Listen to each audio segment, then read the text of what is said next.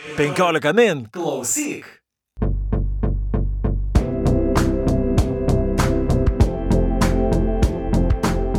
Sveiki gyvi knygų mėgėjai, laidoje perskaitimai, kurią kaip visuomet vedame aš Audrius Ožalas. Ir aš Juratė Čerškutė. Ir šį kartą pas mus laidoje yra net keturi žmonės. Tai Gediminas Baranauskas, leidyklos kitos knygos vadovas, Lolita Varanavičinė, leidyklos Tito Alba vadovė, Sigita Pukė, Aukso žuvų vadovė ir Giedrė Kadžiulytė, apostrofos vadovė. Na ir šiandien mes pakalbėsime, kadangi tokia jau proga, apie 30 metų Lietuvos knygų leidyboje. Apie tai, kaip keitėsi leidybai, kokios yra tendencijos, kas buvo tuo met ir kaip viskas pasikeitė per šitą visą laikotarpį. Ir ko gero, pirmas klausimas, kurio norisi klausti visų mūsų pašnekovų, vakar minėjom kovo 11-osios 30 metį, Ir iš tikrųjų prašyčiau prisiminti, kas jau tuo metu ir žaidė leidybos laukia, kokie buvo tie metai, kada vertėsi tos visos antvarkos ir kokia buvo leidybos situacija, sakykime, pačioje nepriklausomybės pradžioj. Tai jau supratau, kad čia man reikės apie tai išnekėti. Aš manau, kad mes leidybos srity, knygų leidybos srity, tai tikrai nukeliavom šviesmetį technologijos prasme ir, ir labai sunku net prisiminti, kaip buvo.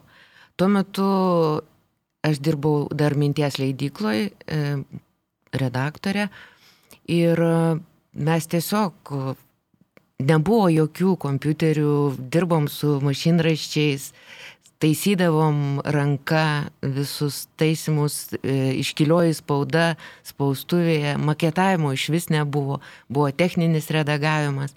Ir tokie dalykai, kurių net e, sunku dabar įsivaizduoti, kaip taip galėjo būti. Apie elektroninį paštą ar internetą ne, niekas net nesvajojo. Bet tada įvyko tas virsmas, be abejo. Tuo metu aš iš, iš leidybos, e, iš redagavimo perėjau tiesiai į Atviros Lietuvos fondą, kuris kaip tik tuo metu ir ėmėsi tą, tą vakarietišką patirtį e, dėkti Lietuvoje. Ir vos tik tai e, susikūrė tas fondas, e, mes gavom užduotį su Darium Čiuplinsku parašyti tą tokį apžvalgą leidybos. Tai va, to, toje apžvalgoje ir buvo išdėstyta visa situacija. Mm, tai, kad aštuonios valstybinės leidyklos, valstybiniai knygynai, bibliotekų kolektorius, ta pati garsioji mūsų knyga ir panašiai. Ta prasme, spaustuvių galimybės, tiesiog neįtikėtina, kad e, mes dabar sėdim ir dar galim kalbėti, reiškia, ne, nemirė, bet tiek laiko praėjo ir tiek taip viskas pasikeitė. Tai, tai Vat, ir, ir tada po to jau mes sukūrėm tokią programą e, knygų leidėjų ir platintojų mokymo. Ir ten buvo tie visi kursai, visi tie žmonės, kurie dabar um, gana, kaip čia pasakyti, ryškus leidėjai e, yra dalyvavę tose kursuose, mokėsi, važiavo į muges ir panašiai. Tai va toks. Aš, aš norėčiau dabar klausti Lolitos Varanavičinės, nes Tito Alba pradėjo veiklą 1993 metais, e, kiek atsimenu. Ir tuo metu, koks buvo požiūris į leidybą, nes yra tekę girdėti atsiliepimų, kad e, kai kas žiūrėjo kaip į tokią aukso nišą vos ne, kad tiražai buvo kosminiai, lyginant su šiais laikais ir žmonės įsivaizdavo, kad iš knygų leidybos iš tikrųjų galima, na, visai neblogai uždirbti. Ar iš tikrųjų buvo tokios optimistinės nuotaikos tuo metu? Na, mes šitos aukso uodegos nebepagavome, nes startavome 93 metais. Keletą metų prieš tai iš tiesų buvo sakoma, kad e, buvo verčiama iš rusų kalbos, nelabai redaguojama, o žmonės buvo ištroškę naujų vardų, naujų knygų ir buvo perkama tikrai didžiuliais kiekiais, bet e, mūsų netokia lemtis buvo. E, ir mes pradėjome nuo visiškai neįmanomo tais laikais dalyko, tai nuo skandinavų literatūros. 93 metai tai yra Peteris Jojas, Joseinas Gorderis, Šešten Ekman, tai yra tie autoriai, kurie ir šiandien beje yra skaitomi ir populiarūs. Ir, o šiaip tai e, mano asmeniškas ateimas, aš labai gerai prisimenu Gėdrės laikus Tyros Lietuvos fonde ir iš tikrųjų esu važiavusi ir Frankfurto knygų mūgiai buvusi aštuonias dienas, kol pradėjo vaidentis. Tai ten buvo irgi savotiška mokykla ir esu turbūt e, Göteborgo knygų mūgiai e, viena pirmųjų Lietuvos leidėjų, kur labai stebėjosi, kad mes E, mokame ne tik rusų kalbą, tai netgi toks vertinimas buvo.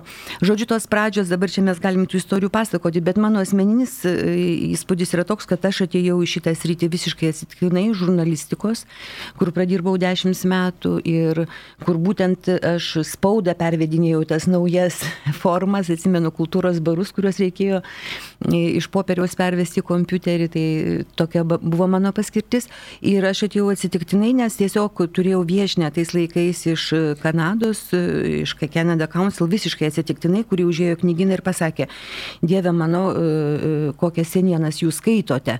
Tada pati didžiausia naujiena buvo Irvingo pasaulis pagal garpą. Labai gerai atsimenu knyginuose, bet tai knygai buvo jau 20 metų ir jis sakė, Lolita, terrible. Ir to užteko, kad aš sakyčiau, o, bet tai iš tikrųjų čia reikia kažką pradėti daryti. Ir sakau, mes pradėjom nuo skandinavų literatūros.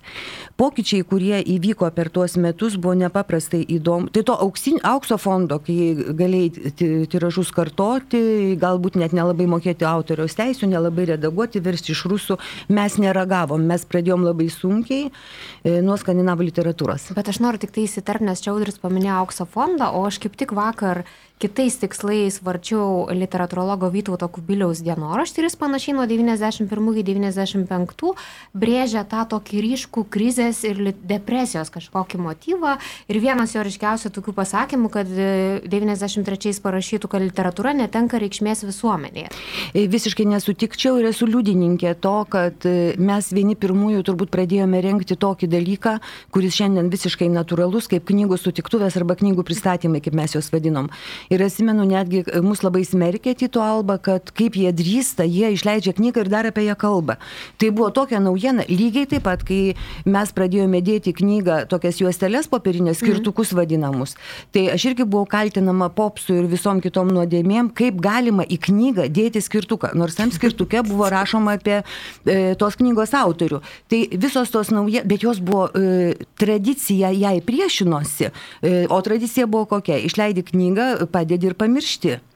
E, jai buvo prie, bet žmonės, aš galiu e, daugybę pavyzdžių pasakoti, visos grandis, pradedant ambasadoriais, priminsiu, kad Sofijos pasaulio teises nupirko e, ambasadorius už savo pinigus, nes mes neturėjom pinigų. Ir jisai sakė, come on, jūs turite turėti šitą knygą. Iki va tokių aktų, aš vadinčiau mm. juos aktais, šiandien verta prisiminti, kas buvo prieš daugybę metų.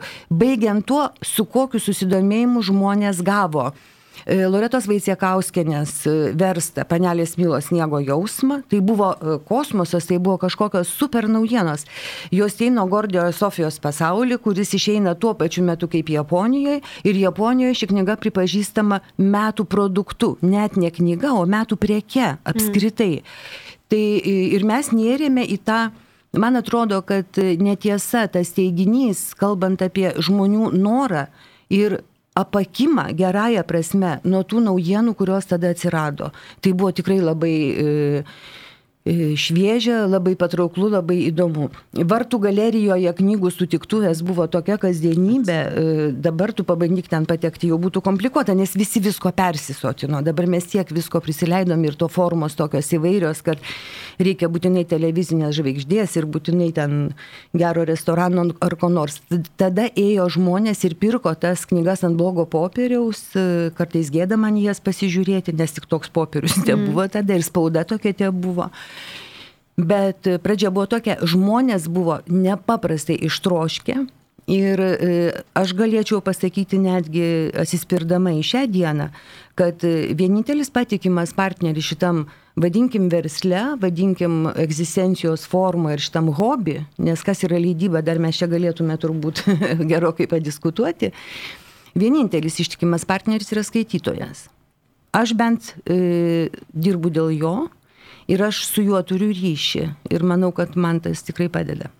Na, apie tai, kokie pokyčiai buvo per šitą visą laikotarpį, mes turbūt dar kalbėsim ne vieną kartą, aš, bet aš norėjau dabar kreiptis į Gediminą, nes m, dabar mes jau kalbėjome, kad buvo išleista daug knygų, kurios tuo metu atrodė visiškas naujiena ir kad žmonės labai godžiai jas skaitė. Tačiau Gediminai, kiek suprantu, tu pradėjai kitas knygas, šitą leidyklą dėl to, kad nusprendėjai, kad tam tikros literatūros pas mus visiškai nėra leidžiama. Be abejo, jūs įvedėte į Lietuvos skait, skaitytojų madas Bukovskį. E, tai kokia visgi buvo pradžia kitų knygų ir kodėl tu nusprendėjai, kad reikia dar vienos leidyklos? Tai čia turbūt vienas irgi iš tų atvejų, kad, kad čia, man atrodo, daug kas gali irgi papasakoti panašius, pa, panašių istorijų, kada mm, tu, sakysim, ne, nedirbi leidyboje ir kažko domiesi, kažką galvoji, kad va, čia tokios knygos yra įdomios, tau būtų įdomu, nu galbūt kitiems neįdomu. Tada nueini pas kažką, pakalbi, patari, bet tu matai, kad, na, tai patarinėjai, patarinėjai, paskui galiausiai galvoji, tai gerai, tai gal tada pačiam reikia. Geriau aš tau paduosiu. Taip, galbūt pačiam reikia tai padaryti, tai galbūt ir mano yra iš dalies tokia istorija, kad aš, kadangi dirbau knygų prekyboje, nu, platinime buvo tokia ir dabar yra e, įmonė, jinai vadinasi Humanitas, yra dar keturi ar penki knygynai iki šiol. Ir, ir tokiu būdu prasidėjo leidyba, jau buvau nužiūrėjęs vieną kitą knygą, kurios, kaip man atrodė, niekas nesijims leisti. Tai vienas, vienas čia buvo paminėtas Bukovskis, paskui mm, buvo tokia įdomi knyga Jelenos Tregubovos Kremliaus Digerio pasakėlės, tokia žurnalistinė knyga apie, apie to meto Rusijos politiką labai skandalingą, kad irgi nebuvo panašu, panašu, kad tokios knygos atsiras, tai va tai tokiu būdu ir atsirado. Ir, ir, ir dar šiek tiek galbūt orientavomės į trupučiuką rimtesnės knygas, tai uh, Tai čia irgi toks galbūt yra skaitytojų skonio ciklas, kaip mes matom, kaip arba žmonės domisi, nu, labai jau tokiom lengvom knygom ir nerimtom ir populiariom, arba tiesiog domisi. Dabar galbūt yra tas metas, kada skaitytojai skaito šiek tiek daugiau rimtesnių tokių knygų, tai va tada gal irgi buvo toks, toks, toks laikas. Mes pradėjom 2004 metais ir, ir pačioje pabaigoje metų va, išėjo Bukovskio paštas. Tai dabar metas jau ir klausti Gitos, kuri turbūt į šitą lauką iššoko paskutiniuoju dešimtmečiu su savo leidikla Aukso žuvis ir kodėl ir grįžaisi pradėti leisti, taigi atrodo leidiklų netrūko, bet Aukso žuvis gyvuoja ir turi savo profilį. E, taip, tai mano irgi labai labai panaši istorija. Aš atėjau netikėtai visai į leidybą iš reklamos srities. Aš labai daug metų dirbau reklamos agentūrai, tarptautiniai, dideliai. Ir Ir e, tiesiog e, pavargau nuo tokio nu, laikinumo, sakykim taip, ir labai norėjau padaryti kažką tokio reikšmingo, įdomaus e, ir visai netikėtai pastebėjau leidyklos Baltos lankos skelbimą ir patekau tenai, tiesiog tenais pradėjau dirbti. Ir tuo metu tai buvo tikriausiai ten aukso amžius, nu, man taip atrodė, kad ten buvo aukso amžius ir mane supo labai įdomus žmonės, profesionalai, autoriai labai įdomus, kaip tik vat, ir Sabaliauskaitės knyga tuo metu išėjo mm. pirmoji. Ir nu, tiesiog man, mane labai įkvėpė tas darbas. Ir aš pradėjau, aš tiesiog ten buvo irgi labai daug barų ir aš buvau atsakinga už e, tam tikras e, tokias, mes vadinam, turistinės, reprezentacinės knygas.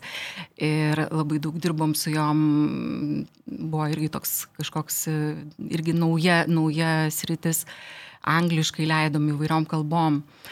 Ir staiga aš irgi tiesiog turėjau labai daug pati visokiausių idėjų, pradėjau siūlyti leidėjui. E, bet visas tas idėjas, aš kaip supratau vėliau, visgi sustabdė ekonominė krizė, tiesiog mm. ekonominė krizė ir taip trup, po truputėlį aš su kolegu, nu ir dar daugelis kolegų paliko leidyklą. Ir vieno draugo patarta tiesiog sako, nu jeigu tu turi tų idėjų, tai gal tu norėtum pati jas įgyvendinti. E, aš galvoju apie tai, kaip čia jau tarp tų visų didelių leidiklų, kaip man išgyventi arba kaip man išsiskirti. Ir Tiesiog gal aš pasirinkau daryti originales knygas. Tiesiog pradėjau kurti knygas, pradėjau inicijuoti leidybą, kviečiau autorius, kad jie rašytų, kviečiau dailininkus, mes kažkokias temas, tarkim, mm, gal visai netikėtai pirmą kartą, ypač vaikam, vaikiško, vaikiškos knygos išėjo, taip e, pasirinkau istorinę sritį Ir, ir, ir, ir man atrodė, kad tuo metu labai trūksta tų temų, pavyzdžiui, apie partizanus. Nu, tai buvo 2012 metai ir, mm. ir, ir nu, atrodė, kad tada trūksta arba jos ten kažkaip netaip išleistos. Tai norėjau pabandyti pati ir, ir tą dariau.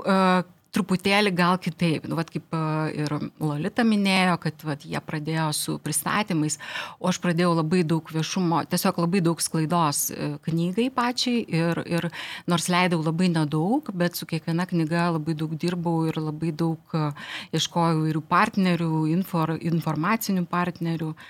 Ir kažkaip man taip visai pasisekė. Aš tiesiog pradėjau irgi pirmą knygą E, verčiau iš verčiau, e, žodžiu, apteno Sinklerio džiunglės ir su ją dirbau labai daug laiko. Tai prasme, aš pusmetį ruošiausi, aš ten tą kampaniją dariau reklamos ir man jau buvo tikrai ženklas, kad man pavyko, nes aš kavinėse pradėjau girdėti, kaip žmonės apie ją kalbėjo, dar jai neišėjus. Tai, tai man visai taip kažkaip Aš norėčiau pabandyti apibendrinti, kas sieja, čia galime taip sakyti, skirtingų kartų leidėjai yra nuo seniausių iki jau visiškai mm, dar jaunų kaip leidėjų.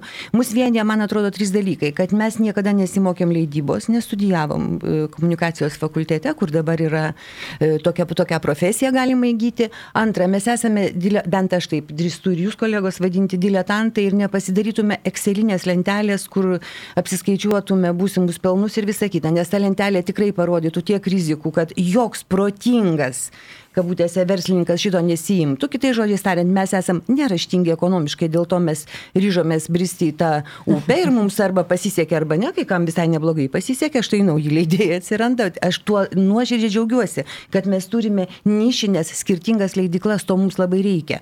Kad negali būti uniseksas, visi dideli uniseksiniai leidėjai, nesąmonė. Ir trečia savybė, e, va iš tų istorijų, mes, kurias mes dabar girdėjom, kad mes turime nykį, mes esam pamišę dėl knygų. Ir jeigu jeigu tu to neturi, kodėl aš manau, kad neįmanoma yra pasamdyti vadovo leidyklai. Vat mes apie tai galėtume pafantazuoti. Bepiga čia mums dabar, va, mes važiuojam po palmę ir ne, pabėgam nuo viruso, tik nežinau, į kurią pusę čia dabar traukti reiktų. Ir pasamdom direktorių, tegul jisai čia dusinasi su spaustuvėm, autoriais ir taip toliau. Nieko iš to neišėjai, du mėnesius tvarkoja. Bet grįžę mes rastume čia nekokį vaizdelį. Mes esam pamišę dėl to, ką mes darom. Tai tas vienyje, aš manau, visus Lietuvos leidėjus. Taip ir norėčiau, kad būtų ateityje. E, bet aš norėjau iš karto to pačiu ir paklausti, tai visgi leidyba pas mus yra verslas ar hobis? Iš ar menas? Ar menas, nes, na, dažnai kalbant su leidėjais ir su pačiais autoriais atrodo, kad, na, knygų leidyba, na, tikrai nėra tas rytis, iš kurios galima, tarkime, sočiai gyventi. Tai yra, man regis, gyvenimo būdas ir aš žiūriu Gedrą Kadžiulytę. Manau, kad taip, kad yra hobis visų pirma. Ir kai šaukia e, mane kaip verslininkė, tai aš niekada neatsisukčiau. Niekada neatsisuku. Ir aš esu, va, ta pamišusi, dar labiau turbūt pamišusi, e, įsteigusi leidyklą tada, kada jau buvo susikūrę labai daug stiprių leidyklų ir man tiesiog buvo įdomu e, nueiti, kažkas pavadino nuogai į dilgelės ir e, taip. Ir, ir, ir ten kažkaip pabandyti pritaikyti tas žinias, kurios buvo, mačiau visą, visą spektrą visų leidiklų ir turėjau patirties daugiausia humanitarinių socialinių mokslų. Na ir va, sukūriau leidiklą. Tai aš kaip leidėja, kaip savarankiškos leidiklos vadovė esu tik tai nuo 2003 metų. Taip kad e, nedaug skiriamės su Gediminu. Bet nu... jeigu prisimintume tavo veiklą atviros Lietuvos fonde, tai tu turbūt esi pridėjus ranką ir pirštelius prie visų tų beveik 400 knygų, ar ne, kurios buvo išleistos humanitarnių Taip. ir socialinių mhm. mokslų. Taip, aš teko man vadovauti tai serijai vertimų. labai ambicinga buvo ne tik tai knygų leidyba, bet kartu vertėjų ūkdymas. Tai buvo dar e, visiškai neišvardinti tie dalykai, mes tiesiog e, kviesdavom žmonės ateiti, pasiimti kelis lapus teksto ir bandyti versti, tada, reiškia, geri vertėjai patyrė jau turintis vardą, juos re redaguodavo, žiūrėdavo, recenzijas rašydavo ir su jais dirbdavo. Ir taip atsirado daugybė naujų vertėjų. Ir man atrodo, kad ta patirtis, ji, aišku, aš turėjau labai daug neišleistų knygų, ta prasme, tų, kurios buvo numatytos leisti, bet neišleistos. Ir taip pradėjau su to startavau. Bet paskui pasiklausiusi Lolitos, kuri sakė, lietuvių autoriai, lietuvių autoriai. Pradėjau leisti ir lietuvių autorius. Turėjau nemažai bičiulių, kurie, kurie pradėjo rašyti. Ir iš tikrųjų, taip, lietuvių autorių atgimimas, jisai pradėjo, padėjo subalansuoti tą mm, kad ir tą hobį verslą per brūksnelį, nes e, vertimai, jie trunka ilgai, e, aš prie jų labai daug dirbdavau, nes yra, esu perfekcionistė ir, ir, ir reikalaudavau ir redagavimo, ir, ir, žodžiu, parengti tas knygas.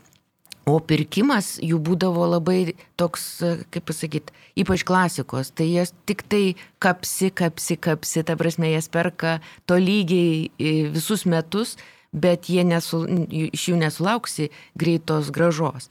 Tai, o lietuvių autoriai, tai būdavo taip, su tais pristatymais ir, ir, ir visokiom e, premijom atsiradusiom, paskatinimais, kūrybiškiausios knygos, metų knygos ir panašiai, jie tiesiog e, pasidarydavo, kad ir laikinai, bet žvaigždės e, tos, su kuriuom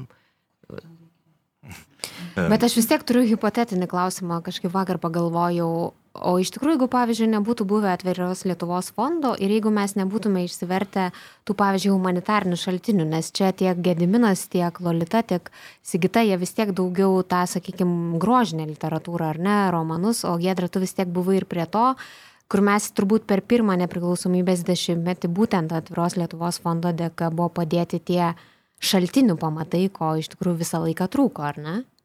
Nu, čia toks, kaip būtų buvę, klausimas būtų, būtų retorinis. Man atrodo, kad e, taip, e, aš, pavyzdžiui, nebejoju, kad labai Bet ar daug kiti prisidė. leidėjai, pavyzdžiui, būtų drįsę tarkim, Tito Alba būtų ėmusis versti, nežinau, kokį filosofų tekstą. Nu, aš labai nenoriu žaisti gėdrės, bet e, aš atsimenu puikiai, kad, nes e, dabar kaip ir tą patį nuo atviros Lietuvos fondas su gėdrės asmeniu, bet e, mes sakydavom, kad reikia netokių knygų, kaip leidžia atviros Lietuvos fondas, jeigu nori pradėti, jeigu nori užsikabinti. Mm. Tai buvo matavimo vienetas.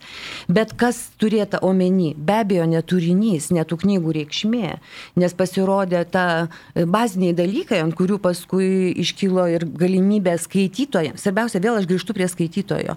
Kolegos, aš pasikartosiu, vienintelis sąjungininkas mūsų yra skaitytojas. Tai e, ant tos bazės, ant, galime sakyti metaforiškai, ant atviros Lietuvos fondo išaugo skaitytojas, kuris yra įgalus šiandien skaityti Harario Sapiens trilogiją. Nes kitaip mes ir būtume pasilikę atspalvių lygyje arba e, nu, kitų ten serialų.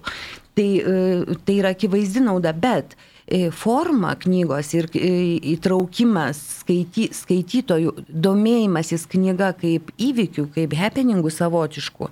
Nes įsivaizduokim tokį dalyką, bet kuris knygos renginys, jeigu atėjo 30 žmonių, o šiais laikais susirenka ir 300, tai nebūna stebuklas.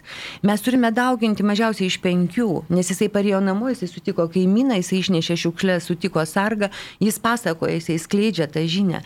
Tai tai ūkdė labai labai skaitytoje. Tai aš manau, kad už turinį mes turėtume padėkoti, bet tik tai aš prilyginčiau, kad ir dabar juk yra tos universitetinės leidyklos, kurios leidžia puikiausias knygas, bet laiko jas koridoriuose. E, tai man atrodo yra... E, Arba yra viena prastai. vieta, kur jas gali nusipirkti. E, viena vieta, bet ar jas galima nusipirkti internetu, aš tikrai nebūčiau labai tikra. O man atrodo, kad šiandien mes turime pakalbėti apie knygos kelią, nes knygos priekyba keliasi į internetą dėl visiems puikiai žinomų objektyvų situacijų, bet mes šiandien darbė vos nesusimušiam, ginčydamiesi, ar bus kas tau tą knygą užsisakytą atveža ir kas ją supakuos, ar bus nudezinfekavęs maišelį. Bet čia jau aktualijos. Tai žodžiu, atviros Lietuvos fondui reikės. mes tikrai turime būti dėkingi už tą bazę, kurią e, tos knygos paklojo. Bet vis dėlto e, leidyba truputėlį nuėjo, galbūt ir tuo popsiniu keliu, jeigu taip galime pasakyti, ieškodama formos, o dabar jinai po truputėlį grįžta prie to paties turinio, nes pasirodo labai rimtų knygų. Ir aš norėjau pastebėti, Gediminas norėjo reaguoti jau šiek tiek anksčiau, ir, nes man atrodo, kad e, kitų knygų metamorfozė per visą šitą laikotarpį irgi labai aiškiai pastebima, nes pradėjote nuo Bukovskio, nuo tokios maištingos literatūros, jūs e, per šitą visą laikotarpį pasikeitėt, nes tas pas paminėtas Sapiens irgi išleistas jūsų leidykloje. Arba Stevenas Hawkingas. Tai aš dar grįšiu prie to klausimo, kas, kas tai yra leidyba, ar čia yra hobis, ar, ar yra verslas, tai čia tiesiog yra labai paprastas dalykas, kad e, leidyba kaip verslas, tai jos sėkmės ar nesėkmė daugiausiai remiasi į parduotų egzempliorių skaičiaus to, to paties pavadinimo, nes kiekvieną knygą išleisti yra investicija, ar ne? O ir tada yra labai skirtumas didelis, ar bus parduota 200 knygų, ar 30 tūkstančių ten, ar 100 tūkstančių, kaip kai kurių lietuvų, lietuvių autorių. Tai ir kadangi Lietuva yra labai maža, tai yra labai maža rinka, tai čia va tada ir yra tas atsakymas, kad kadangi, kad, kadangi daugelio, nu, iš daugelio knygų to verslo neišeina padaryti, tai gaunasi taip, kad, kad toks kaip ir, kaip ir, kaip ir hobis daug, daugeliu aspektų, bet kaip ir va, čia paminėtas atviros Lietuvos fondas, o dabar yra juk tas ir kultūros tarybos, buvusio kultūros fondo rėmimas, tai ką padaro šitas e, mm, paramos galimybė? Tai, kad, kad sumažina reikiamas investicijas knygai išleisti ir, ir gaunasi taip, kad knygos, kurios nebūtų išleistos, nu, jos tiesiog negalėtų ekonomiškai egzistuoti, jos dabar yra išleidžiamos, nesumažinama labai stipriai jų samata. Ir Tai va, tai tokiu būdu padidėja ta, ta, ta įvairovė knygų ir atsiranda rimtesnių knygų, leidėjai gali, nu, šiek tiek, nu, ne, turbūt ne šiek tiek, bet gerokai drąsiau leisti tas knygas, tie, kurie yra būtent yra tam paribyje to, tos, sakysim, tokios, kaip vadinam, nekomercinės literatūros. Tai va, tai, tai, tai leidžia tokiu būdu išgyventi. Aš labai pritariu Gediminui ir Lolitai ir šiaip manau, kad visi leidėjai masto panašiai, kad nu, pardavimai tai yra sėkmė. E, tai ir, ir autoriai labai džiaugiasi ir jie labai nori būti topuose, nors ir kaip mes tos topus vertintume. Bet pastarųjų metų aktualija, kad knyga e, konkuruoja net su ta pačia audio knyga arba su elektroninė knyga arba su video turiniu. Todėl e, labai didelis pasirinkimas e, verčia leidėjus labai mąstyti apie ir tą pristatymo formą, ir pardavimo formą, ir kažkokį e, kitokį skverbimąsi pas tą skaitytoją, kuris jau dabar yra labai išlepęs. Yra tiesiog jam anksčiau tai jisai pats labai taip su tokiu alkiu žiūrėdavo į tą naujausią literatūrą. Aišku, dabar yra toksai, tarkim, nedidelis kontingentas, kurie tikrai labai seka ir labai žiūri, bet didžioji dauguma tai jie tiesiog yra persisotinę ir jiem, pavyzdžiui, tiesiog, kad ir labai populiari ta knyga yra, bet aš vis jaučiu, kad, pavyzdžiui, nu tikrai ne visi ją žino, tikrai ne visi ją ten matė ar, ar kažkur ten pastebėję. Ir man atrodo, kad dabar e, jau ne vieną kartą tarp e, leidėjų kilo tokios diskusijos, kad leidėjai konkuruoja ne tarpusavyje, o jie konkuruoja dėl dėmesio apskritai knygai. Nes ir Frankfurto knygų mugėje tai buvo diskusija, kur buvo Netflix irgi atstovė pakviesta ir kurią knygų leidėjai vardino kaip vieną iš pagrindinių konkurentų, nes žmogus turi ribotą laisvo laiko kiekį ir jisai tą laisvą laiką jis nusprendžia, kam skirti ar knygoms, ar dar kažkam. Ir koks jo bus pasirinkimas iš esmės, ar jisai skirs knygoms laiko ar ne. Ir aš gal norėjau pratesti šiek tiek irgi grįžtant 30 metų atgal ir dabar, kokie tiražai buvo tuo metu, tarkime, sėkmingi Ir kas yra dabar, tarkime, ar kas čia galėtų, galbūt e, Lolita galėtų geriausiai apibūdinti šitą? Na, aš norėčiau uh, grįžti prie tiražų, bet pradėti iš kitos pusės, nuo šios dienos. Jeigu man kas nors būtų, aš pati esu daugybę kartų sakiusi, kad tokių tiražų kaip Bernardo Bražionio poezijos rinktinė nepriklausomybės pradžioje, kas buvo šimtas tūkstančių, niekada niekas gyvenime nebepasieks. Tai uh, turiu pripažinti, mea kulpa, mea maksima kulpa, klydau, todėl kad niekiek nebejoju kad ir Kristinos Sabaliauskaitės Petro imperatorė turi galimybę pasiekti tokį tiražą. Jungtiniai tiražai Toliato perkopė šitą e, ir e, aš manau, bet pabrėžiu, tai yra lietuvių autoriai. Mes turime nepamiršti vieno dalyko - fenomenalus populiarumas lietuvių autorių ir procentinis santykis, kuris artėja vos ne prie Norvegijos lygio. Norvegai sąmoningai laiko 80 procentų nacionalinės 20 vertimų, nes tai yra nacionalinė politika ir jie skatina savo tokiu būdu literatūrą. Pas mus visada buvo atvirkštinis procesas, buvo labai daug vertimų, kai mes pradėjom skaityti visas verstinės knygas ir buvo ten ir sekso, ir žudinių, ir kraujo, ir ko tik nori. Jėzau, mums atrodė, kad tas vienas lietuvių autoris iš rašytojų sąjungos gali tokio gero pasakyti. Šiandien mūsų tas lietuvių autoriaus statusas Nu, mes būkim bėdini, bet teisingi, mes dėl jo kovojam.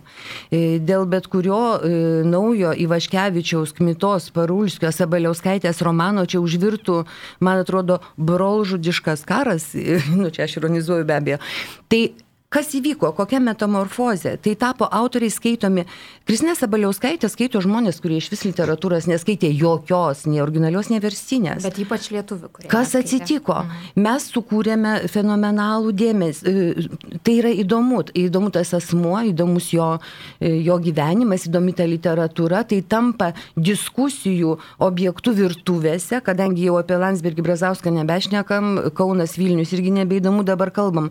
Ar Sabaliauskaitės Petro imperatorė labai blogas romanas ar geresnis už Silvarę. Tai yra diskusijų tema. Aš pažįstu šeimą, kur žmonės susipyko vos ne iki skirybų, nes vienas sakė, tai yra gerai, kitas blogai. Tai yra literatūra, kuri akumuliuoja ir kuri generuoja kažkokią na, mintį, diskusiją. Tai mes domimės knygomis tikrai. Tai tiražai yra kai kurių knygų tikrai nepaprastai dideli, netgi lyginant su e, kitom dideliam rinkom. Dabar mūsų pirminis tiražas šiandien, jeigu mes sutarsime, kad tai yra apie 2000 statistinės standartinės knygos, turbūt bandom nuo tokio tiražo, ar ne, nu, vidutinę knygą. Nu, iš kurios, ne, ne, nebėr trijų. 1802. Nu taip, vad bandytume mes, ar ne, su tavim tokį tiražą. Nu, tai mažesnius. jūs mažesnius. Mūsų tai yra standartinis tiražas. Tai tada mes e, gaminome drąsiai užsimerkę 5000. 5000 mhm. buvo tas, ką tu galėjai, tikrai žinojai, kad parduosi, primenu, nebuvo interneto. Ir, nebu, ir neprekiavo priekybos tinklai knygomis, taip kaip šiandien prekiauja grėtinės principų, kas mus tikrai pribaigs ir nužudys. Bet čia jau matyt, Šitą būtinai irgi pakviesime. Matyt, mes turėsime apie tai kalbėti. Tai tiražų dinamika tokia. Jeigu brėžtume e, kokius nors ten kreivės, tai būtų taip, kad taip, tada tiražai buvo didesni, nes buvo ateita nuo labai didelių tiražų, prisiminkim sovietmečio tiražus, kai knygos nieko nekainavo praktiškai. 50 tūkstančių buvo standartas, nuo ko mes pradėjome. Tai iš tos inercijos 5, tai yra 10 kartų mažiau, buvo, nor... mes tiek drąsiai gaminom visų nežinomų autorių ir juos parduodavom. Paskui, aišku, ištikdavo sėkmė ir tu jau kartodavai. Tai šiandien tas standartinis tiražas yra apie 2, bet aš priminsiu, kad Ispanijoje tas pats vidutinis tiražas yra 5. Rusijoje šiandien yra mažiau negu 5000 pirminio tiražo. Tai ką mes turim Lietuvoje? Mes turim absoliutų fenomeną. Tai Vokietijoje, kiek žinau, irgi 4000 skaitosi visai neblogas. Kas kita, kad ispanai ar didelė rinka, ar anglakalbė pasaulinė rinka gali išsiauginti kosmosą ir tada gali rašytojas pradės skraidyti lėktuvais, ko Lietuvoje niekada nebus. Atsiprašau, Kristinos, bet net jinai neskraidys lėktuvu. E, o kas žino, čia šiaip visaip gali būti. Bet pradžia, ta prasme, kuri rodo e, tą mūsų skaitytojo e, egzistavimą ir netgi jo gebėjimą skaityti sudėtingas knygas, ką rodo kitų knygų skaitytojų armija. Jūs turite nu tokį elektoratą, kad galite į rinkimus eiti. O tai koks tas elektoratas yra? Žmon, žmonės, kurie skaito, e, leidyklos, kuri turi savo profilį ir nėra praradusi tai, savo identiteto. Bet man įdomu būtų, tiesiog gal Gediminas įsivaizduoja, kas tai yra skaitytojas, ar, ar, ar sunku būtų apibriežti. Kuriam nepat, aš, aš galėčiau pasakyti, galima kolega, aš labai pavydžiu jums tai pasakysiu, kuris, kuriam neužtenka meilės romanų, kuris nori sudėtingesnės, aštresnės, modernesnės literatūros. Tai man yra kitos knygos. Ar jūs sutinkat su tokiu apibūdinimu? Čia mes dabar kaip surski su Mauseriu. Tai nežinau, ar sutinku iš tikrųjų, nes e, taip, kiek, kiek aš matau ar ne, tai tokios, kada leidėjai visada eina iš paskos e, skaitytojų susidomėjimo. Ir jeigu, jeigu yra poreikis kažkokios rušies knygų, tai leidėjai būna labai greiti ir štai žiūrėk, po metų, po kitų labai daug tokių knygų išeina. Sakysim, va čia buvo paminėtas Hawkingas, e, tai aš dabar neseniai mačiau, man atrodo, ir Alma Litera pradėjo leisti tokių apie kosmosą, apie visatą vieną po kitos knygos. Ir jo tema, man atrodo, irgi leidžia. Tai, ne, nu jo tema leido galbūt ir anksčiau. Tai, tai aš manau, kad čia tokio, nu, monopolio, kad čia, žinote, mes čia vieni ir tai čia to nebus. Ir, ir, Net dėl savęs mes aš... keliamės iki paskutinės akimirkos autorinių teisių. Pasakykime viešumą. Aš tai nežinau, ar taip čia buvo. Tai,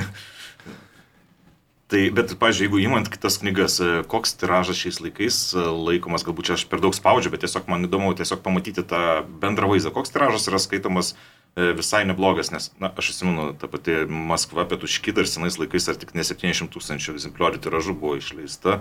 O jūs tai, išleido turbūt pusantrą kokią maksimum, ar ne? Mes išleidom pusantro ir taip, tai man atrodo, čia kaip ir buvo paminėta, vat, kaip, kaip sakė Lolita, kiek kad Tito Alba, tarkim, leidžia 2000, tai man atrodo, na, jeigu parduodamos tos knygos, tai čia gal jau yra neblogai, jau knyga nėra nuostolinga. Tai va, tai čia tokia gal, gal ir būtų čia ta riba. Nu, mes dabar perinam prie knygos e, pardavimo kelio, neišvengiamai prie to ateisime, kurgi knygos parduodamos ir tai lemia tiražą. Todėl, kad mes priversti tos statistinės knygos, iš kurios tu nežinai, ko tikėtis, bet aišku, kad jinai gali būti paklausi. Na, sakykime, statistinio neblogo romano, verstinio. Tai mes priversti gaminti 2,5 tūkstančio, todėl kad jeigu jisai keliauja į priekybos tinklus, į kur keliasi knygų pagrindinis pirkimas ir tai yra e, nauja absoliučiai tendencija, kurią reikia labai išanalizuoti mums leidėjams, jinai tikrai niekur Nu, kur jinai veda, mes dar turim pakalbėti. Tai tas tiražas minimalus, kad tu tiesiog padengtum visas priekybos vietas, yra 2,5 tūkstančio. Tai tu vėl atsiranda kita rizika. Jeigu tau pasiseks, tu galbūt pakartosi tą tiražą. O jeigu nepasiseks, tau tas knygas tiesiog parveš kaip grėtinė su pasibaigusiu terminu, kuris labai labai trumpas. Aš tai vadinu tai kaip burokus išmeta. Baigtų burokai laikosi daug ilgiau negu grėtinė, mano tikslesnė. Metafora. Bet čia beje aš prisiminiau, man atrodo, prieš kalėdas didysis lietuviškas prekybos centras turėjo 30 procentų nuolaidą. Ir aš iš pradžių nesupratau, aš galvoju, kas yra, nes aš taip eidama pro šalį pradėjau žiūrėti žmonių krepšelius ir buvo tik tai dvi knygos. Tai Sabaliuskaitis Petro imperatorė ir Toleto, man atrodo, tada prieš kalėdas kažkaip. Taip. Ir aš galvoju, gal jas kažkur nemokamai dalina, jau man tokia mintis. Bet paskui aš pamačiau, kad yra taip, 30 procentų nuolaida, ir žodžiu, žmonės kuopia tas knygas. Bet, bet man įdomu, kaip e, mažiesiems leidėjams tokioje, tokioje rinkoje įmanoma išgyventi, nes, e, kiek suprantu, knygynai pasiema daugiau negu leidėjai, ar ne, šiuo metu iš parduotų knygų. Tai kokie yra tie būdai rasti savo skaitytoją? Na gerai, jūs tarkime, galbūt jūs padarote sklaidą, išleidžiate visą kitą, bet kažkur žmogus turi nusipirkti. Tai koks tas kelias yra? Na, e, remiuosi keliais knygynais iš esmės. E, vienas iš jų yra internetinis knygynas, kur, reiškia, gali užsisakyti iš bet kur, į bet kur. Ir tas e, knygynas parduoda daugiaus, daugiau negu e, didmenininkas. O didmenininkas pardavinėja per priekybos tinklus. Tai um, man atrodo, maži, mažiems leidėjams e, jau ta Lolita sakė, e, kad reikia gaminti papildomai tiražą vien tik tai tam, kad e, paskirstytų po, po priekybos vietas. Mhm nes gausi baudą arba, arba tiesiog nepaims e, didmenininkas dėl to, kad per mažas kiekis, kad jie galėtų suktis, kaip sakoma, sukti ratą. Tai, tai tas e, man labai blogai yra kaip mažam leidėjui. Ir aš daugiau mažiau traukiuosi iš tų didžiųjų tinklų, palieku nelabai nedaug knygų tik tai tenai. E, juolab, kad e, ten vis dėlto orientuojamasi daugiausia į bestsellerius ir naujai išleistas knygas. Ir jeigu tavo knyga yra jau kelių metų senumo, arba tu ją pakartoji tiesiog su ta pačia data, jau jiems nebeįdomu, jie dažniausiai būna išmetę iš savo sąrašo e, priekybos tinklai, tai prasme, tie knyginų tinklai. Jie tiesiog jau nebepriima, uždarytas tas pavadinimas. Mm, tai toms knygoms, kurias aš leidžiu, tokias klasikos knygas, kurios mano didžioji svajonė būtų, kad bent jau keli knyginai atsirastų tokie, kur visas knygas būtų galima rasti. Visas e, klasikos knygas, nesvarbu, ar jinai pasirodė ten 95 metais išversta ir, ir kartojamas tiražas, ar jinai pasirodė 2004 ir taip toliau. Tokių knygynų yra daug, kitose šalise pilna tokių knygynų, kur tu gali ateiti ir, ir rasti viską. Pas mus toj pat išmeta. Jeigu nenuperka per pusę metų e, kažkokio kiekio egzempliorių, viskas išmeta. Tai, o po to staiga reiškia, na, pavyzdžiui, dėstytojas liepia skaityti tokią ir tokią knygą, nurodo, ateina į, į, į knygynus ir neranda žmonės, tada kreipiasi į leidyklą. Žodžiu, aš e, čia truputėlį nukrypau į tą e, asmeniškai apostrofos e, atvejį, bet, bet jisai, jo, ir man atrodo, kad tie knygynų tinklai,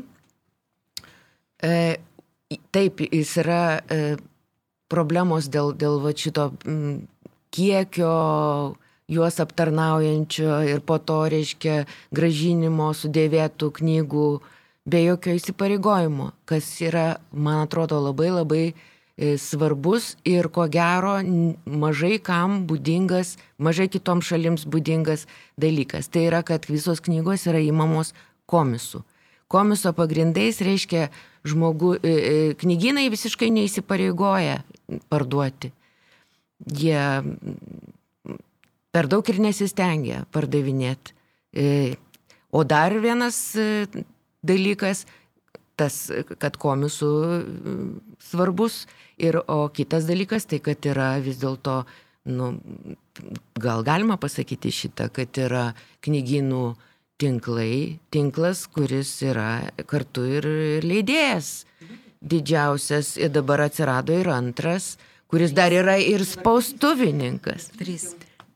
Dar yra kur ir spaustuvė, ir leidikla, ir platinimas viename. Tai visiškai natūralu ir būtų labai keista, jeigu jie nenorėtų pardavinėti visų pirma savo knygų. Ir tada gaunasi taip, kad jeigu, jeigu tavo knyga arba pavadinimas e, trukdo e, kažkokio pavadinimo panašaus e, pardavimui jų pačių išleisto, tai akivaizdu, kad kad mano bus padėtas nugarėlė ir po kelių mėnesių bus pasakyta, kad jūsų knygų neperka. Ačiū uždėmesi. Aš labai noriu įsiterpti, nes tai yra labai labai svarbu, mes, man atrodo, esame dabar e, palėtėme.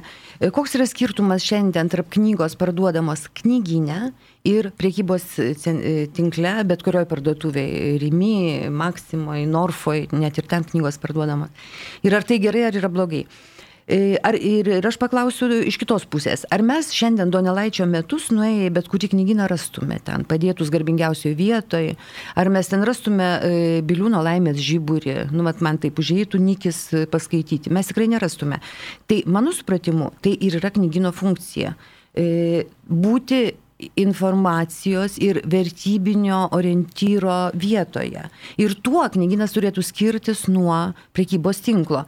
Dabar kur yra pliusai knygos parduodamos e, bet kurioje Rimy ar Maksimos parduotuvėje? E, be jokios abejonės, Juratė, jūs stebėjote e, vyksmą prieš kalėdas 30 procentų nuolaidą. Šiandien prašom šalia jūsų panoramoje taip pat 30 procentų nuolaida knygoms. Ta prasme, knyga bus pigesnė, Jinai bus padėta ant šunų tako, jūs važiuosite su vežimėliu ir jūs dabar užvažiuosite ant knygų. Jums, e, jūs ją pavartysite ramiai, paskaitysite jos aprašą ir jūs ją nusipirksite be jokių problemų. Dar vienas dalykas. Italijoje, kur sekmadieniais nedirba parduotuvės, dirba knyginai ir žmonės iš bažnyčios eina kur? Prieš eidami e, e, kavos arba pietauti, jie eina į knygyną. Jie veda ten vaikus, jie varto žemėlapius, jie žiūri senus leidinius, jie žiūri italų literatūros, jie žiūri Pinokio visus, visų laikų leidimus. Tai yra, na, kažkoks kultūros roko centras. Ar mes šiandien galėtume tokius tekstus pasakyti apie knygynus e, Lietuvoje? Mes ten rastume, nu, paskutinis radinys, kur mūsų leidykloje redaktorė aptiko, tai yra maišeliai šunims, kai eini su juo pasivaikščioti knyginę. Tai yra kultūros dalis, aš sutinku, bet tai tikrai nėra e, būtina prekė knyginė. Ir dar vienas dalykas, jeigu knygino erdvėjai vyktų knygų klubo aptarimai, diskusijos, jeigu ten važiuotų autorius ir ateitų žmonės, tą bandė daryti Pegasai, bet e, tradicija, na, pritruko politinės valios ją įgyvendinti. Tai aš tada sakyčiau, štai yra knygino ateitis ir jo prasme. Šiandien e, knyga keliasi į priekybos tinklus dėl žemesnės kainos ir dėl to, kad ne ant šunų tako, jinai keliasi į internetinę erdvę dėl tos pačios priežasties kad ten yra pigiau ir operatyviau. Ir dabar, kai mes visi užsidarysim savo norų į karantiną, tai mano klausimas tikrai jau yra šim, vertas šimto milijonų. Ar man atveš kas nors tas knygas, kai aš sėdėsiu? Ir tai yra labai rimta, nes į knyginą, knyginas nebedirbs. Bet mano kaip skaitytojas klausimas yra, ar leidėjai padarys elektroninę knygą, kad aš, pavyzdžiui, ją šast vienu paspaudimu ir skaitau iPad. E. Taip, skaity, leidėjai mielai darytų tas elektroninės knygas, jeigu jas skaitytojai be jūsų dar pirktų.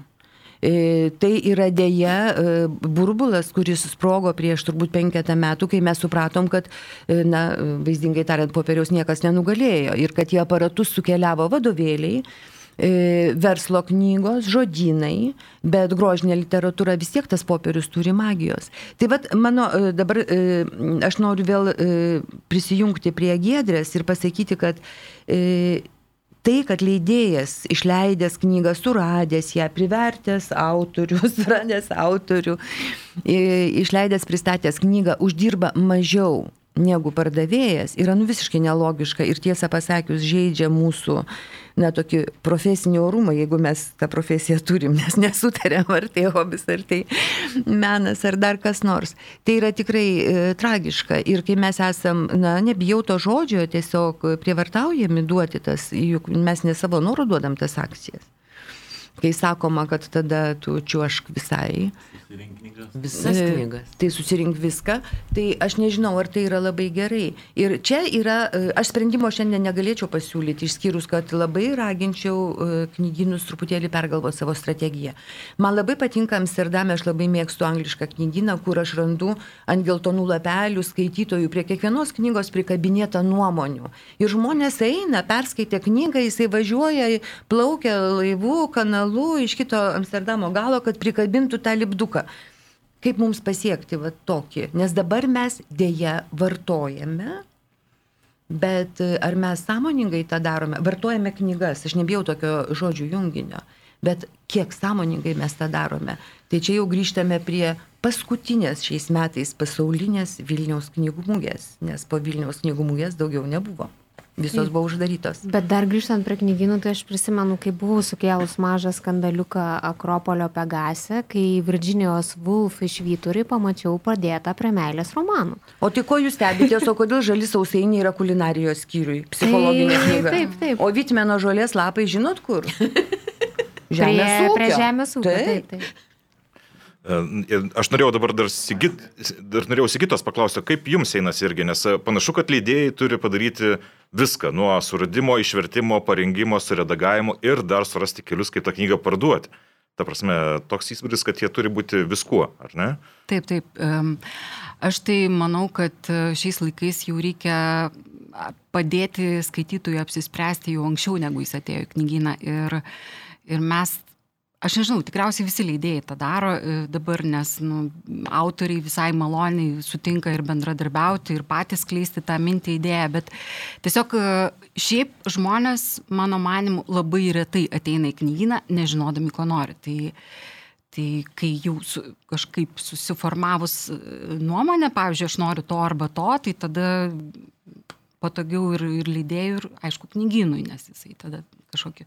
Ir, ir mato, kad jeigu yra tam tikros knygos kažkoks vat, populiarumas, jie tada ir stengiasi tą knygą ir, ir, ir parodyti, eksponuoti, ir, ir ten kažkur geriau padėti. Yra tas dalykas, tai Tai mes kaip mažinų, mes kito, iš kitos išeities neturim. Mes negalim ten nupirkti lentynų, metrų ar ten kokių vitrinų. Tai mes tiesiog stengiamės tą skaitytoją, nors skaitytoją ar, ar ten, tarkim, e, neskaitytoją, žiūrėtoją, pavyzdžiui, paveikslėlių knygos. Tai tiesiog e, jam padėti apsispręsti daug anksčiau. Dabar mes kalbėdami apie tuos 30 metų šiek tiek pasidžiaugiam, bet e, po to taip įnirome į niures gaidas. Na ir kad to nirumo nebūtų per mažai, dar vieną temą turbūt reikėtų paliesti, tai yra redaktoriai ir vertėjai. O tai čia bus dar niuriau. Tai būtent tai aš dar skau, kad, nirum, kad, kad nirumas e, tiesiog proporcingai didėtų. E, tai aš noriu paklausti, ar iš tikrųjų tokia yra didelė problema visgi redaktoriai ir vertėjai, nes e, ne viename interviu yra kalbėta, kad na, mes neruošiame jų ir kad naujų nėra ir kad leidyklos kaunasi dėl tų gerų, tarkime, redaktorių. Kad buvo vagos ar ne, buvo tas, kad buvo vagos arba tuo metu dar sovietiniais laikais valstybinės grožinės leidyklos, ta visa senųjų redaktorių ir vertėjų karta, kuri iš tikrųjų mažėja, nyksta ir. Labai ar... nepopuliari profesija. Manau, kad dabar tas kropštumas, tas ilgalaikiškumas, jis tiesiog nu, jauniems žmonėms ne, tiesiog netinka. Tai vad mes irgi ieškom gal va, tokių jau patyrusių, bet labai retai, nes jie visi apsikrovę darbais ir neįmanoma. Kaip gitaminai einasi? Aš tai noriu šiek tiek kitaip šitą klausimą pasakyti tokį savo pastebėjimą, kur aš supratau tik labai neseniai, tam prireikė labai daug metų, kad kas buvo atsitikę Lietuvoje, tai buvo labai diskredituoti vertimai į lietuvių kalbą. Nes aš daugybę metų tai girdėdamas, na, aš ir žmogus sako, aš neskaitau lietuviškai, nes yra labai blogai išversta. Tai niekas į mūsų išleistą knygą rimti skaitytojai net nežiūri, nes tai yra blogai. Tai va tai tas per daug metų atsitikęs dalykas, ta diskreditacija, tai va ir kažkaip dar apie tai nekalbėjau, man atrodo. Tai va reikia, nors kažkiek gal keičiasi situacija į gerąją pusę. Čia ir recenzijas galėsit pri, pri, pridėti, kad nu, ne, nepasirodo tų blogų vertimų recenzijų. Nepasirodo tiesiog. Na, yra skiriama premija literatūros vertėjų. Čia gali būti sąjungos. tokia kad, problema, kad... Bet, bet daug metų to nebuvo daroma beveik. Labai labai retai, kada būdavo sutaršomas blogas. Bet žiūrėkit, vertimas. klausimas, kas tada turi daryti. Aš, pavyzdžiui, kaip literatūros kritikė turinti tik literatūrologijos išsilavinimą, tikrai nemoku visų pasaulio kalbų. Ir tada vėl gali atsirasti, aš esu privačiai kalbėjus su vertėjais, kad jeigu aš parašau ir pasakau, kad vertimas blogas, tai čia atsiranda autoriteto klausimas. Daugmaž ką mergaitė išmano, tai ir jinai moka tas kalbas, kad čia mums aiškina. Čia yra šiaip dar, čia mes turbūt galim dar atskirą diskusiją vien šitam kad tikrai tų verstinių knygų kritikos nėra ir viskas yra nuėję į apžvalgas, tai yra papasakot apie knygą taip, kad ją žmonės skaitytų. Aš tai manyčiau, kad problema yra e, tikrai kertinė, jeigu mes ir toliau ketiname e, tikė, tikimės, kad knygos bus reikalingos, kad mes jas leisim ir kad mūsų ištikimasis partneris skaitytojas jų tikrai lauks. Tai e, aš visiškai pritariu Gediminui, bet ir šiandien e, labai daug žmonių reaguoja į vertimo kokybę. Yra žmonių, kurie perka vertėjo darbą, e, sakykime, be jokios abejonės, jeigu tu pamatai, kad versta Jonušio arba versta, sakykime, Sigito Parauliskio, tai tu ne, be abejonės turbūt nepradėsi abejoti, ar vertimas tau pakiškiaulė.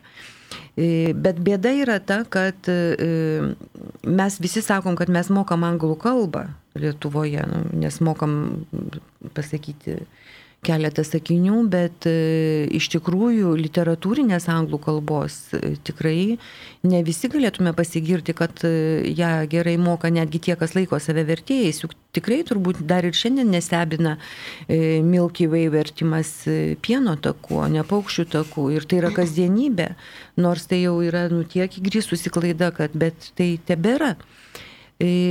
Kodėl taip ir čia tada į pagalbą turėtų ateiti redaktorius?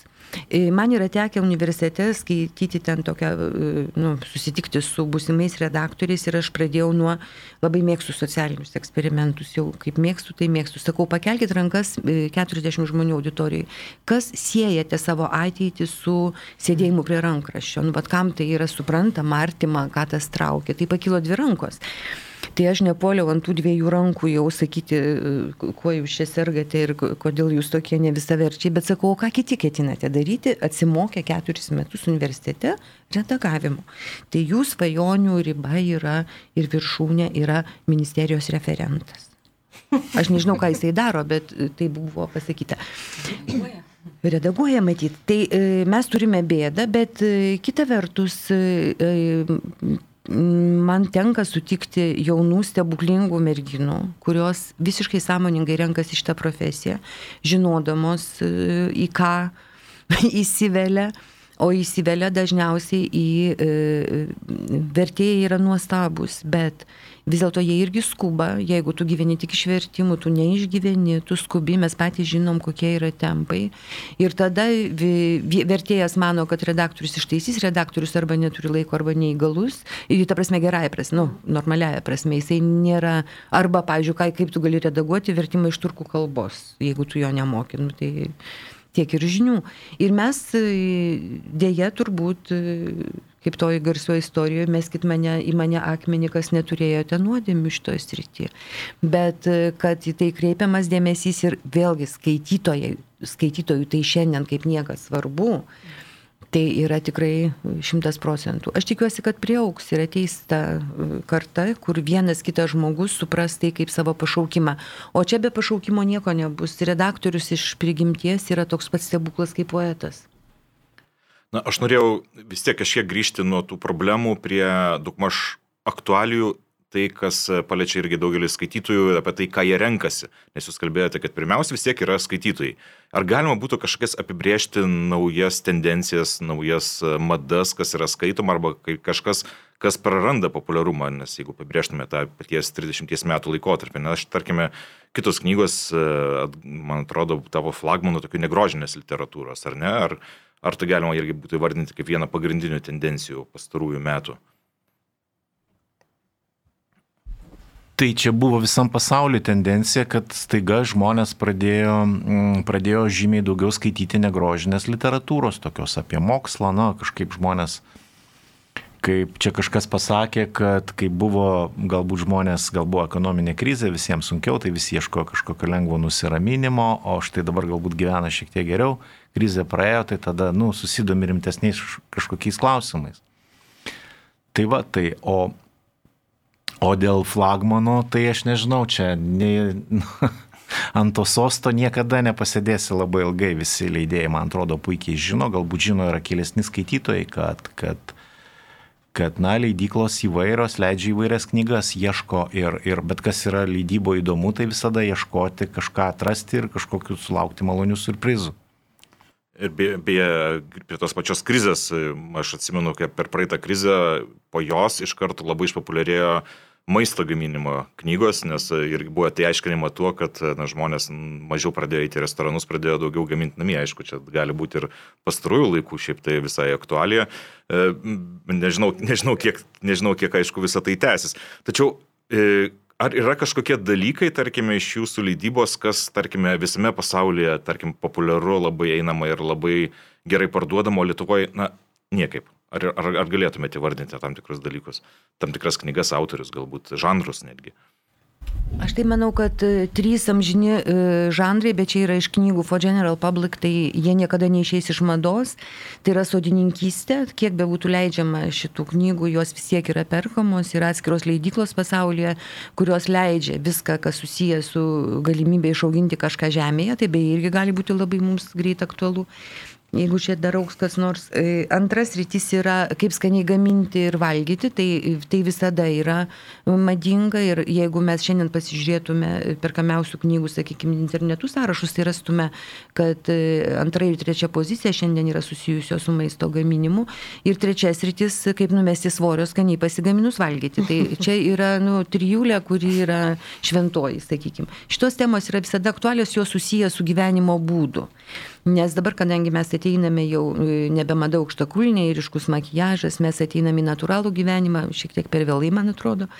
Bet susivokiam, bet jau tos grožio knygos e, šiek tiek gal malšta. Bet šitie trys segmentai bus visada.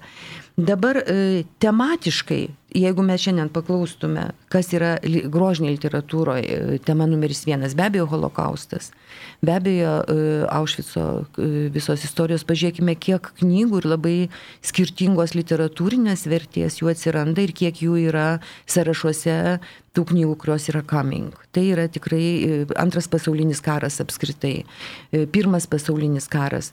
Kitai žodžiais tariant, mes tarsi grįžtame kelis dešimtmečius atgal į tai, kas buvo pasaulinis žmogaus sukrėtimas. Aš nesu, nesutinku e, su tavimi, kolega, dėl to, kad žmonės dabar geriau gyvena, dėl to jie skaito rimtesnės knygas. Aš manau, kad priežastis yra kita. Žmonės jau per daug gerai gyvena, kad jiems neiškiltų klausimai, kodėl jie gyvena. Nu dabar iškils klausimas, kaip gyventi, aš manau, va, šiandien ryt. Ir tai beje labai susiję dalykai. Ir negrožinių knygų apie tai, kad e, civilizacija mokės didžiulę kainą už e, savo vaisius, kuriuos raškė beatodariškai. Anksčiau skambėjo labai naiviai, bet šiandien mes matome, kad e, vis dėlto nėra taip paprasta sukovoti netgi su kažkokiu tai mutavusiu virusu. Tai e, grožinė literatūra tikrai bus, e, ją vis labiau skaito. Mes paprastai inertiškai sakom, kad e, štai moteris, nu, koks būtų statistinis vaizdelis. Moteris po darbo sėdi skaito romaną, kokią Lucinda Railį, septintą seserį, o štai vyras atsivertęs, nu jau sapiens jisai perskaitė seniai, tai dabar atsivertęs e, ten kokį proto amžių pinkerio, skaito apie virusus, kur beje visas skyrius yra. Tai toks vaizdelis, nieko panašaus, viskas susimaišė. Aš nesakau, kad vyrai pradėjo moteriškus romanus skaityti, bet kad moteris irgi ieško atsakymų į esminius klausimus, nes gyventi visiems neramu. Ir e, būtent negrožinė literatūra tikimasi, skaitytojui gali duoti tą atsakymą. Todėl, kad e, tiesą pasakius, e, kokia nors e, siauro vartojimo meilės istorija, nu man kaip vyresniai moteriai jau ir niekiek nebeaktuali, nu aš galėčiau anukę pamokyti, kad tu taip nedaryk, bet ai ir taip moku man jau nebeaktualu šitos tokios mizerinės dramos ir kažkokie smulkus judesiai. Bet iš kitos pusės man aktualu yra autentika. Tai yra kažkokia gyvenimo, pavyzdžiui, netgi senstančios moters autentiška patirtis, kuri man galėtų būti įspūdinga. Bet tai niekada nebus bestselleris. Tai vad aš norėjau pasakyti, kad e, nėra aiškios, e, šiaip e, antras pasaulinis karas be abejo yra šiandien tema. Ir aš netgi va dabar žiūrinėjau, kadangi Londono knygų mūgė neįvyko, visa informacija eina laiškais, tai tarptų e, reklamuojamų ir siūlomų knygų tikrai labai didelis procentas tebėra e, Aušvico problematikos, vadinkime taip ją apibendrintų vardų. Tai čia yra grožinė literatūra.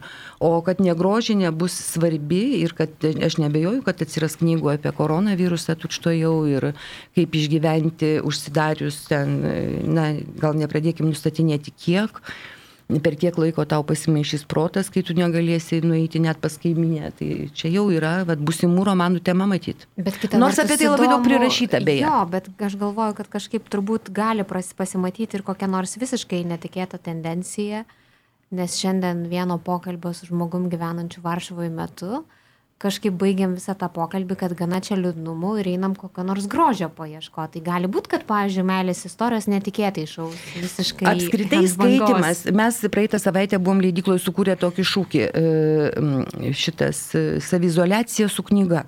Ir mums tai atrodė, taip, Bet jis labai realybė dabar staiga. Ir, ne, mes tikrai norėjome taip pasidaryti tokį banerį ir, ir sakyti, kad, come on, žlugo tavo bilietai ir, ir tu sudeginai kelionę į Ispaniją, New Yorką, Italiją, bet sėdėk ir skaityk apie tai knygas ir tai yra viskas puiku. Bet šiandien kažkaip nedrįstam to šūkio jau e, spausdinti, bet jisai ore atvyro. Taip, tai yra galimybė e, leisti puikiai laiką, ir, bet aš čia grįžtu prie klausimo, kad jeigu aš užsakysiu internetu tą knygą, kas man ją atveš, ar neinfekuotas žmogus, pavyzdžiui. Čia aš ironizuoju. Bet kad mes tikrai turėsim laiko skaityti, tai Na, viena iš versijų, beje, kodėl galbūt e, mažėja tų populiariųjų romanų paklausa, nes buvo viena iškelta tokia teorija, kad na, serialai yra. Ir žmonės randa tų nusiraminimų arba tos pop romantiškos kažkokių istorijų visai kitose vietose. Jiems nebūtinai reikia knygų, o tarkime, jeigu jie skaito knygas, jie nori kažką gauti kito. Būtinai, aš noriu prajuokinti, kad čia mes nebūtume labai niūrus. Mes leidžiame Lucindos Railį serialą apie seseris. Tai štai turime dvi moteriškės, kurios pasakė taip, kadangi dar neparašytos paskutinės dalis, kur išsiriš intriga. Tėvas gyvas ar negyvas, ten nu, labai svarbu, jūs nežinot, bet žmonėms tai svarbu. Ir tos dvi moteriškės jos ateina ir sako, dar ne, Mes sakom, ponė, bet dar neparašyta ta pabaiga. Tai jis sako, bet ašgi negaliu numirti. Kol neperskaitysiu iki galo. Literatūra yra jėga. Tai beje, čiagi dabar visi kalba apie tai, kad koronaviruso akivaizdoje visi puolė kuopte kuopti Albero Kamių marą ir iš naujo grįžo prie šito romano. Tai, tai gal čia lietų, ne tik lietų. Ne, čia visam pasauliu. Taip, taip, taip. Viskas, kas dabar su infekcija, izolacija, savizolacija, plitimu yra aukso verties, tai be jokios abejonės. O rimtai išnekant, tai e, mes tikrai, e, aš labai labai noriu pakartoti e, Stefano Atsveigo vakarykštį pasaulį, todėl kad viskas labai labai priartėjo. Tada žmonės irgi dar sėdėjo kavinėse, vaikščiojo po gatves ir sakė, tu žinai, aš girdėjau, kažkur kyla fašizmas, o tuo tarpu jau vaikščiojo gatvėm E, darnios gretos. Tai mes irgi vakar visi sėdėjome kavinėse ir sakėme, tu žinai, kaip čia bus, nu šiandien bus paaiškinta. Na, aš norėjau Gedris paklausti, o kaip e, apostrofa, ar pastebi kažkokius besikeičiančius e, skaitytojų įpročius? Na, jūs turite, aišku, tam tikrą skaič, skaičių autorių, su kuriais dirbate ir jų dabar nebeplečiate, tačiau ar pastebite kažkokias irgi tendencijas per pastaruosius, na, daugybę metų vis tiek esate knygų rinkoje? Nepasakyčiau, kad dideli pasikeitimai. Kartu su visais e, pastebėjau, kad vat, autobiografinės knygos, tarkim, Venslovos knyga e, buvo tikrai populiari, bet e, šiuo atveju norėčiau įterpti, kadangi jau apie blogus dalykus, sakėjai, nebešnekėsim, tai pasakyti, kad piratavimas yra labai didelis dalykas, kurį reiktų pasakyti mūsų atveju Lietuvos ir į li, mažiems leidėjams tai dar blogiau turbūt, e, nes dideli leidėjai, tai jeigu jų ne visos knygos yra pirotaujamos, tai dar iš kitų gali kažkaip tai uždirbti, o maži tai reiškia, kad e, ir viskas. Tai su šita knyga, konkrečiai su Tomo Venslovos knyga, taip atsitiko vieną gražią dieną, aš pažiūrėjau, kad nėra kažkaip sumažėjo pirkimai ir surinkau pavadinimą ir išmetė man iš karto PDF su visais viršeliais, su viskuo dikai. Tai, tai man atrodo, kad, kad šitas, šitas dalykas yra svarbus, nors apie tai nešnekėjo nei, vien, nei viena iš, iš šio pokalbio dalyvių. Ir čia galėtų galbūt ir valstybė šiek tiek pagelbėti, nors keistai skamba, bet, bet tai yra kitose šalyse. Atsimeni, Lolita, kai buvo šnekama, kaip Aida pristatinėjo tada ir, ir tas vokietis, kad e, kitos šalis tiesiog e, padeda e, kovoti su piratais šitais ir sumoka pinigus už tą programą, procesą, procesą visą o paskui galų gale kokie nors švedai, tai jie baudžia vartotojus. Ir didelės baudos, iš tų surinktų baudų dar remiama vėl leidyba ir taip toliau. Taip kad čia yra irgi viena iš e, šių dienų aktualijų, kur, kur galėtų būti ir valstybės parama, ir kažkokia tai leidėjų pačių susitarimas dar kažką tai daryti bendrai, nes pavieniui tai čia yra tiesiog neįmanoma kovoti. Na ir m, dabar mes jau kalbame daugiau nei valandą ir turbūt galėtume dar kelias valandas ir kalbėti, nes tų temų yra labai daug susijusių su knygų leidyba, tačiau e, visgi turbūt jau atėjo laikas e, apibendrinti šitą pokalbį, nes e, mes kalbėjome apie 30 metų, kurie buvo nepriklausomos Lietuvos leidyboje. Ir galbūt būtum galima mesti žvilgsnį galbūt ir ateitį. Aš suprantu, kad šiandien galbūt nėra visai ta diena, kai apie ateitį būtų taip jau labai drąsu kalbėti, nes niekas nežinia, kaip iš viso viskas bus, bet, na, kaip jūs įsivaizduojate, kaip, kaip, kaip leidyba vystysis toliau ir, ir, ir, ir, ir kaip jūs norėtumėte, kad viskas keistųsi, tarsi ar jūs esate numatę kažką tai Galbūt galima pasidalinti savo mintimis irgi apie tai. Mano akis tai krypsta į vaikus. Kažkaip aš tai e, stebiu ir savo aplinką, ir kitų, kad e, vaikai yra vat, tas augantis skaitytojas, kurie dabar biškiai jau apleidė tą skaitimą. Nu, nors čia labai priklauso nuo tėvų. Tai juos sudominti irgi tampa vis sunkiau, sudėtingiau. Tai mes, pavyzdžiui, stengiamės kurti iliustruotas istorijas kažkokias, kad, tarkim, e, vaikai susidomėtų ten kokiam nors e, rimtom temom Tai aš manau, kad reikia apie tai galvoti. Tiesiog apie skaitimo, skatinimo kažkokius, kažkokius reikalus ir dominti nuo mažesnio amžiaus. E, Gediminai, kaip jums kitos knygos e, vis atranda kažkokių naujų nišų, nes, pavyzdžiui, jūs pradėjote leisti, nes ilgą laiką jau nebuvo leidžiama mokslinė fantastika. E, ar esate irgi sugalvoję, ką dar reikėtų iš tos užmaršties prikelti, ar, ar apskritai kokį matote kelią ateityje ir kaip jūs įsivaizduojate toj lydybai, ko labiausiai trūksta dabar? Man tai atrodo, čia kalbant apie ateitį, vis tiek tu negali išvengti klausimų apie praeitį. Tai kalbant apskritai apie knygas ar ne, tai buvo čia prieš, na, prieš 10 metų, prieš 5 metus, prieš 15 metų išnekama, kad, nu, ta knygos mirtis ir vis bus skaitoma mažiau. Ir tai tarsi nepasitvirtino, nepasitvirtino niekur, nes arba ta knygų tendencija išliko panaši leidybos, jinai tokia nei didėja, nei mažėja, arba net ir, ir, ir, ir išaugo. Tai čia, man atrodo, yra labai svarbus dalykas, tas tai yra tas gebėjimas žmogaus atsiriboti nuo kitų dalykų, nuo visų to triukšmo ir kažkiek susikoncentruoti. Tai, Tai, bet čia yra labai sunku pasakyti, ar vis tik tai žmonės bus vis labiau atitraukiami visokių vizualinių dalykų, ten Facebook'o, Instagram'o, socialinių tinklų, kitokių visokių pasinerimo į savo darbą, ar vis tik tai jie galės skirti kažkiek to laiko, kažkokio tokio ramaus, autentiško tai visai knygai. Ir atsakymas tarsi ir buvo, kad ne, vis tik tai tai visą tai, bet mes matom, kad, na, nelabai ne, nu, ne pasitvirtina. Ir dabar vėlgi matom čia epidemijos, karantinai, tai kaip tik, ką žmonės sėdės ir skaitys. Tai va, tai čia nežinau, su tom visom tendencijom yra iš tiesų labai, labai, labai sudėtinga kažką pasakyti. Ir vėlgi, jeigu žmonės daugiau skirs laiko, labiau atsiribos, galės pabūti su ta knyga, tai vėl, nu, didesni, rimtesni romanai, e, galbūt ten mokslo populiarinimo knygos bus populiarios. Nu, taip. E, mano optimizmas e, dėl popierinės knygos yra paremtas e, keletų tokių na, dalykų. Bet be nesvarbiausias, aš irgi apie jaunimą labai dažnai galvoju, jo labiau, kad jau turiu tris paaugusius anukus.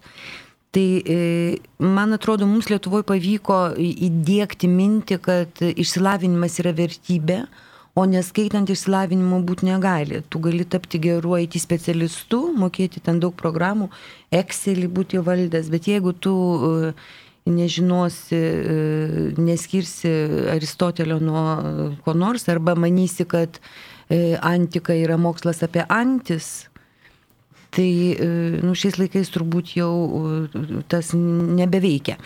Tai be visų šitų kataklizmų aš sutinku, kad žmonės skaitytų mažiau, bet tegul baigėsi koronavirusas, kad nereikėtų sėdėti namie. Bet šiaip aš e, tikrai optimistiškai žiūriu į knygų skaitimą, tai darosi prestižos rytimi. Todėl, kad aš vėl grįžtu prie to, kad jeigu mes apie literatūrą, apie tą patį Sapiens, apie Hararį e, diskutuoja rimtos e, mokslininkų šeimos, e, apie Pinki, Pinkeris yra tema seniai, kiek jisai per, perdėtoj optimistas, e, dabar e, šitos negyvenamos žemės problematika knygos apie tai pasirodys jau po apokalipsės. Tai rodo, kad žmonėms knyga yra svarbi. Svarbi žmonėms knyga ir tas romanas. Juk netimkime iš gero pramoginio romano jo paskirties. Tai yra praskaidrinti niūrę dieną. Štai šiandien oras bjaurus, žinios nekokios, visi laukiam, ką nutars vyriausybė ar eisim rytoj į darbą ar ne ir parėję namo nu atsiverskim kažką smagaus, kur pabaiga aiški, kuris jai užmauna žiedą ir ilgai ir laimingai gyvena. Aš tai raginčiau šito nepamiršti. Engedrė kaip e, apostrofą kokią ateitį mato savo, ar bent jau norėtų? E, gal ne tiek apostrofą, kiek apskritai aš, vat, ko norėčiau, tai e, tų, kad būtų šiokia tokia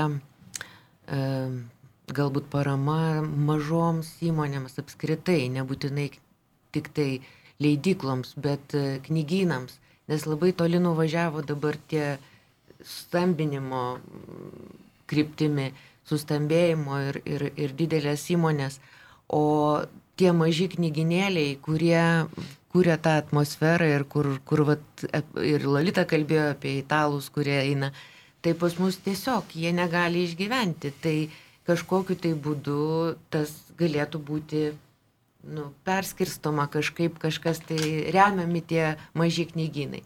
Bet čia susiję ir su tuo, kad, kad ir, ir, ir kultūra apskritai. Mano didžioji svajonė yra, kad vis dėlto Lietuvoje ta kultūra ne tik tai deklaratyviai e, įgytų tą prioritetą. E, ir, ir galbūt aš jau ne, ne vieną kartą esu kartojusi, sakiusi tą pavyzdį, bet e, mums galbūt dabar šio, šios dienos akivaizdoje dar tas aktualiau skamba. Islandijos pavyzdys, kada 2008 metais įstiko krizė baisi, tai nežinau tiksliai kiek dienų praėjo, bet Altingas susi, susirinkęs nusprendė kultūrai, menui, muzikai, literatūrai, rašytojams skirti daugiau, gerokai daugiau lėšų, negu buvo skiriama anksčiau. Nesumažinti, bet skirti daugiau. Suprasdami tai, kad reikia tokiu būdu visų pirma palaikyti dvasę žmonių dvasę, kad jie galėtų iškesti visas negandas, visas krizės ir um, atlaikyti galų galiai imunitetas irgi nuo to priklauso. Dvasė. Mhm. Ir čia mes neišvengiamai baigėme pokalbį tuo, kuo visada baigė leidėjai, tai yra bibliotekomis. Nes aš neatsimenu per savo ilgą karjerą pokalbio, kur nebūtų kalbama apie bibliotekas, tai kadangi laiko neturime, aš tik tai vieną skaičių pasakysiu. Lietuvoje 19 metais vienam gyventojui buvo skiriama 73 euro centai per metus knygom. Už tiek jam valstybė suteikia galimybės skaityti. E, tuo tarpu Europos vidurkis, mes vis norim to Europos vidurkio, yra euras 22, o štai e, ne ką prastesnė šalis Suomija, kaip Islandija, vienam žmogui skiria, e, norėdami geriausio švietimo ir puikių vaikų teksto suvokimo rezultatų skiria per metus vienam gyventojui 8,13 euro. Taip, tai aš dar baigiant tik tai noriu grįžti prie to, kas, manau, čia atskirą pokalbį galima bus kada pasidaryti ir pakalbėti iš tikrųjų apie tuos knygynus mažus, nes ko aš, pavyzdžiui, iš tikrųjų ir pati pasigendu, to turbūt daug kas atsimenat, kaip studijų laikais dar būdavo karteliniai šitie kortelių katalogai ir kai tu ieškodavai kažkokios knygos, tai įdomiausia būdavo, kas prieš tą kortelę ir kas po ir tu atrasdavai įdomiausių dalykų. Dabar, kai viskas yra internete, tai man kartais dinksta tas toks smalsumo ir aišku to, kada tu tiesiog eini per lentynas ir nebūtinai ten naujienos, nebūtinai sudėta kažkaip temiškai, bet to, kur tu tiesiog patenki į gerą knygyną ir prarandi laiko nuovoką. Bet kadangi gyvenimas yra toks ir koronavirusas čia gazina, ir mes kalbėjom apie tai, kad užsidarysim, tai baigdama aš noriu užduoti klausimą, tai su kokiom knygom užsidarys leidėjai, jeigu jums nereiks eiti į darbus ir turėsit, pavyzdžiui, netyčia laiko skaityti savo malonumui, o ne tuos tekstus, kuriuos turėsit leist, šukuot ir visai jais rūpintis. Mums tai ramu, mes turim Algirdo Toliato kunigo knygą Ramybė tau. Gediminai, ką tu skaitysi? Sapiens iš naujo. ką aš skaitysiu, nežinau, aš daugybę kartų, čia šiek tiek grįžtant, daugybę kartų girdėjau, nu gal ne daugybę kartų, kad labai svarbi yra mokslinė fantastika, ne? Tai čia kalbant apie tendencijas. Ir kažkaip irgi ir noriu to tikėti, bet, na, realiam gyvenime kol kas tai, nu, tarsi nepasitvirtina, nes, nu, skaitytojai nelabai mokslinė, mokslinė fantastika domisi. Tai va, tai čia taip. Ja Taip, ir aš gal pats irgi norėčiau paskaityti mokslinės fantastikos, nu, tą ateitį, kurti savo galvoje kažkokią tai. Kaip mes skrisim į Marsą. Aš peso nerimo knygą. Pirkinys knygų mūgės. O aš tai norėčiau kažkaip labai traukia pastaruoju metu tokie trumpieji žanrai, tai man poezijos reikėtų daug perskaityti, nes atsilikau labai, tai norėčiau susirinkti iš bibliotekų ar iš savo bibliotekos ir prisiskaityti. O aš kažkaip pagalvojau, kad dabar, kai turbūt bus jau uždarytos visos judėjimo kryptis iš Lietuvos, mes, man atrodo, atsigręšim į vaizduotę ir pradėsim vėl keliauti, Keliauti vidiniam kelionėm. Tai man regis, nėra to blogo, kas turbūt kažkaip neišeitų ir į gerą. Ir man atrodo, to ir reikėtų šios laidos pabaigoje palinkėti, kad na, visgi to laiko, kurį dabar skirtite savo, tai didžiąją dalį visgi skirkite knygomis, nes man atrodo, kad tai yra tikrai vertingiausias laiko praleidimas. Na ir e, šį kartą ir atsisveikiname mūsų laidoje ir dar primenu, kad e, šioje laidoje dalyvavo Gediminas Baranauskas, Adulita Varanavičinė, Sigita Pukė, Gedrė Kadžiulytė ir mes laidos vedėjai, aš Audris Ožalas. Ir aš Juratė Čerškutė. Iki ir gerų skaitinių.